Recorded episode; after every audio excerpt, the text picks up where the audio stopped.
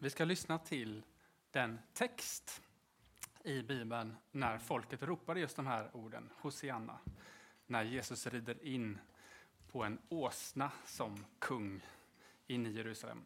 Och texten vi får lyssna till idag är från en bibelöversättning som heter The Message, som är lite friare bibelöversättning, lite, lite modernare språk. Och det är från Johannes 12 kapitel, vers 12 till 25. Och vi kan stå upp när vi lyssnar.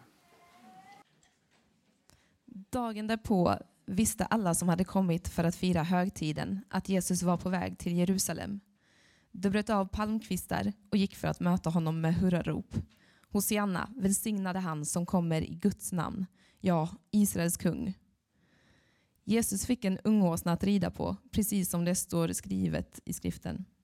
Var inte rädd, dotter Sion. Se, här kommer din kung ridande på ett åsneföl.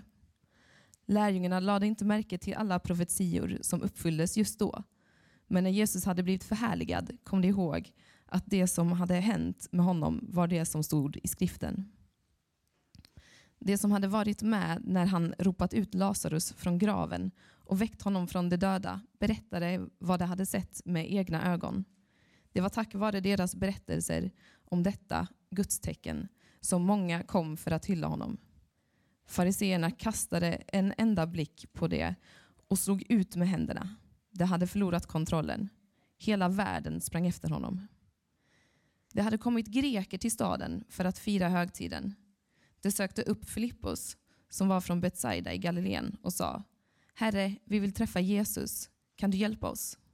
Filippos berättade för Andreas och så gick de båda och pratade med Jesus.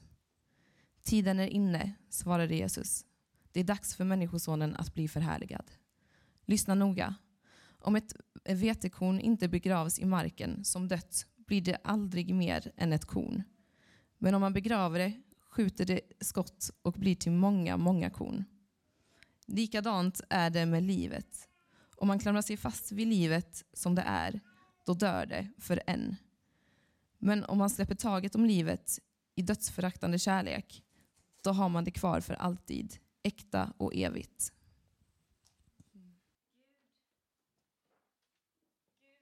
Av oss händer. Händer att skapa med. Händer att ge med. Händer att älska med.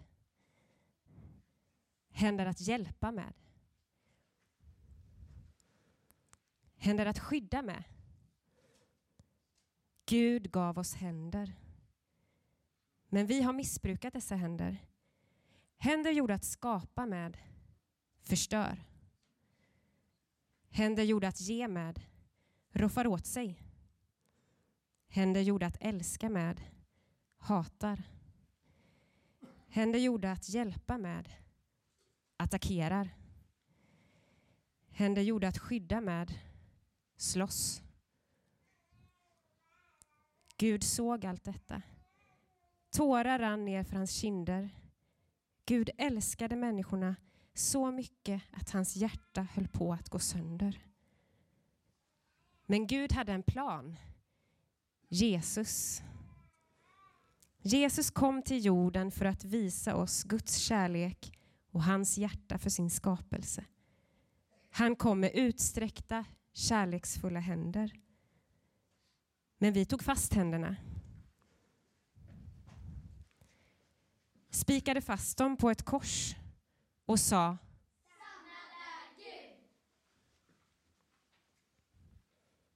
Jesus dog på korset. Han tog allt det onda, allt det trasiga. Han tog straffet istället för oss. Men döden kunde inte hålla honom kvar. Gud gjorde honom levande. Jesus lever. Med en öppen famn bjuder han in oss att ta emot hans kärlek. Vi får leva tillsammans med honom varje dag i kärlek nära Faderns hjärta.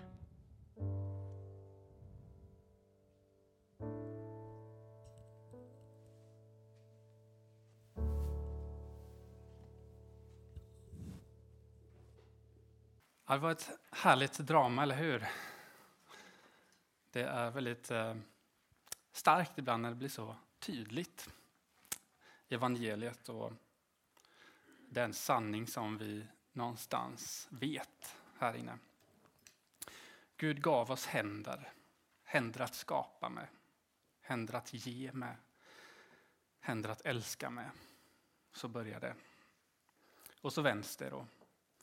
Händer gjorda att skapa med förstör. Gjorda att ge med roffar åt sig. Händer gjorda att älska med hatar. Och det här är egentligen precis vad som händer eh, sista veckan i Jesu jordeliv. För det här är en vecka innan han hänger på korset. Och den här texten vi fick höra idag, då, då gör händerna det som de är tänkta att göra. De prisar Gud. Hyllar honom med palmblad. De, det var ju rejäla, det är inte små asplöv, utan det, de stod liksom så här, tror jag. Eh, och ropar Hosianna. Är det någon som vet vad Hosianna betyder?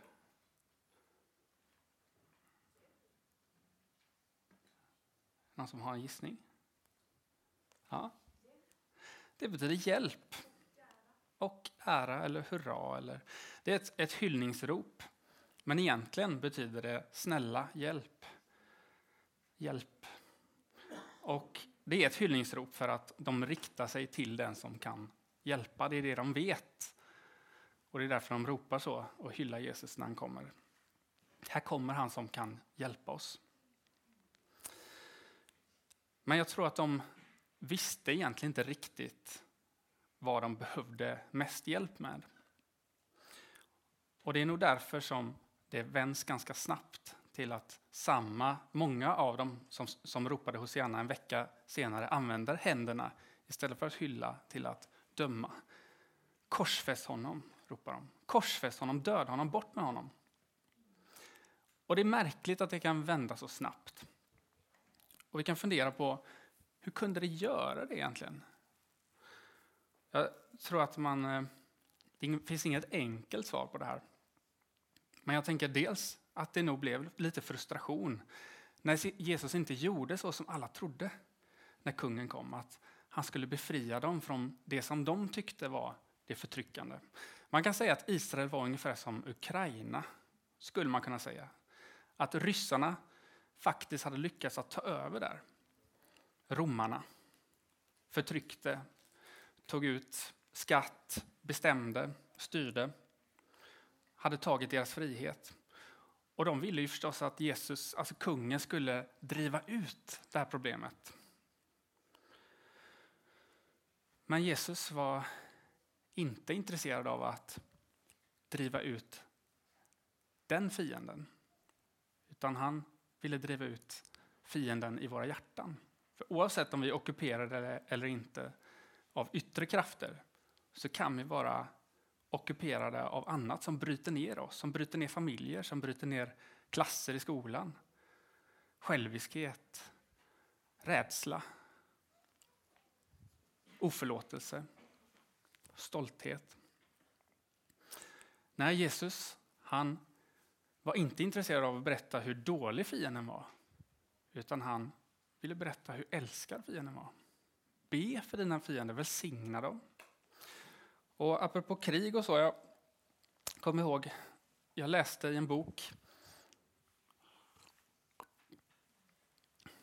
Det här var ett krig som utspelade sig för ungefär hundra år sedan i något av de här stanländerna.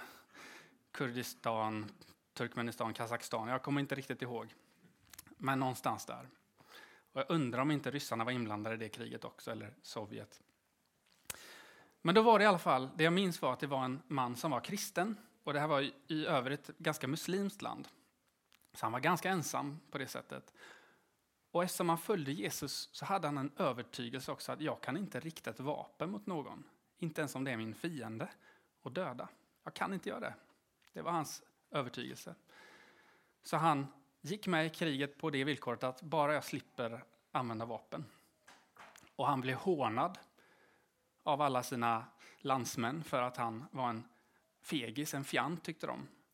Och som inte gjorde någonting vettigt för nationen som var under, under belägring. Men efter kriget fick den här mannen medalj. För han räddade så många liv. Han räddade så många liv. Och det jag minns framför allt när jag läste om det här var att han vid ett tillfälle hade kommit från sina eh, landsmän i en skog. Han var vilse, han var helt ensam. Och plötsligt så står han öga mot öga med en motståndare, en fiende. Vad gör han? Det blev, båda blev helt tagna av situationen, hade inte räknat med att möta en fiende där. Och det blir så här stilla sekund. Det är som att hjärt, livet passerar revy. Är det nu jag ska dö? Och den här mannen då, det han gör är att han försiktigt sträcker sig efter någonting i ryggsäcken. Är det ett vapen? Nej. Han tar fram en limpa och visar, du får den av mig. Och den här soldaten, fienden, vet inte vad han ska göra. Han väntar några sekunder, och sen så tar han fram en köttbit i sin väska. Och sen sitter de ner och äter, säger ingenting. Och sen går de åt olika håll.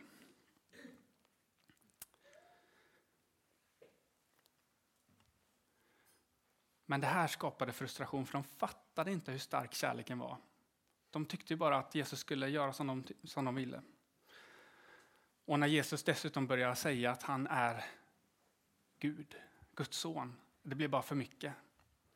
Och de vill bara ha bort honom.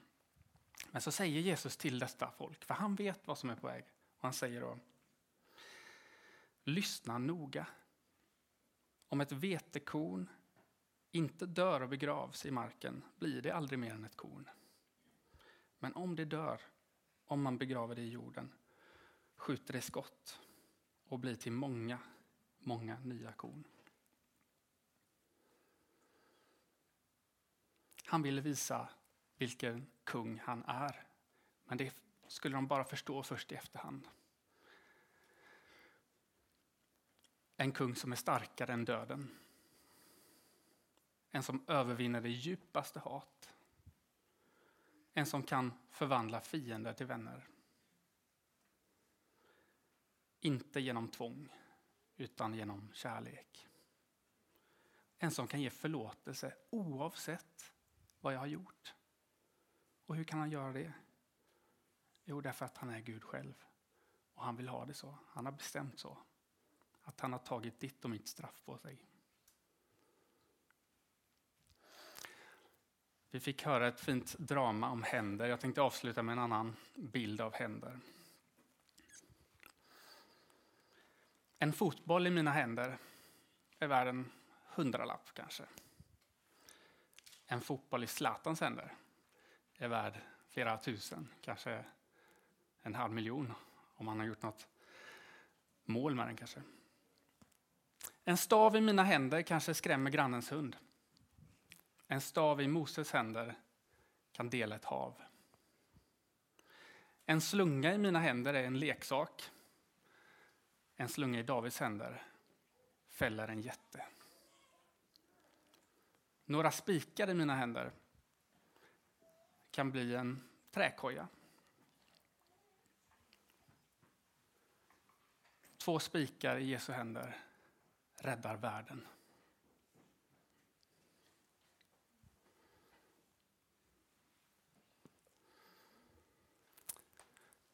Jesus pratar om ett frö. Om det nu är så, varför inte då lägga sitt liv i de händerna? Och det kommer att växa fantastiskt där. Och det kommer komma många till del.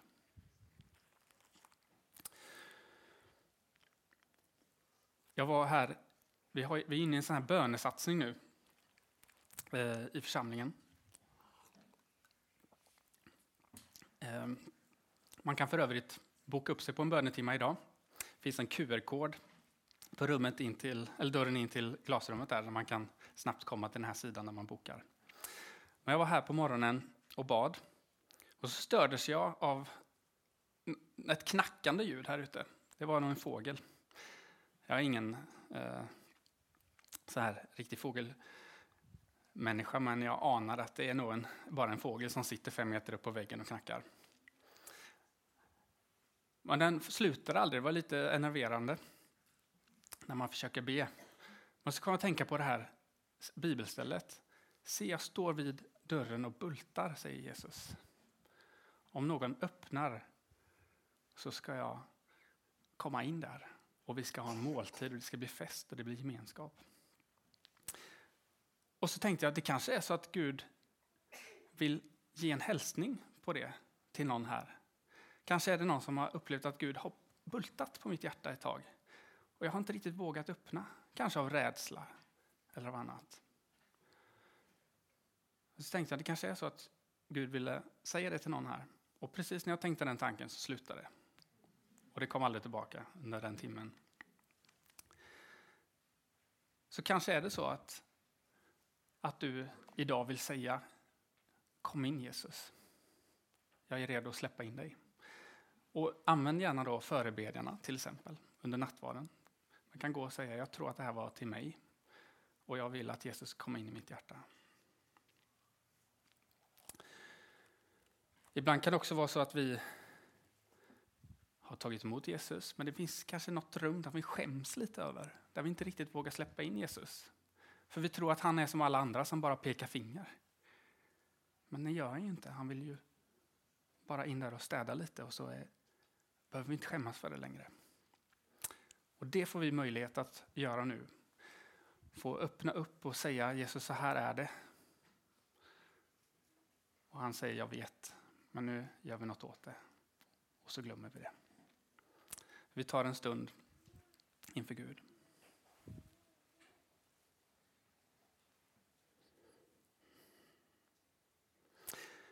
Ja, Jesus, du som räddar. Du som älskar oss, som känner oss. Du som bara har goda tankar för oss. Hör nu varje hjärtas tysta bekännelse.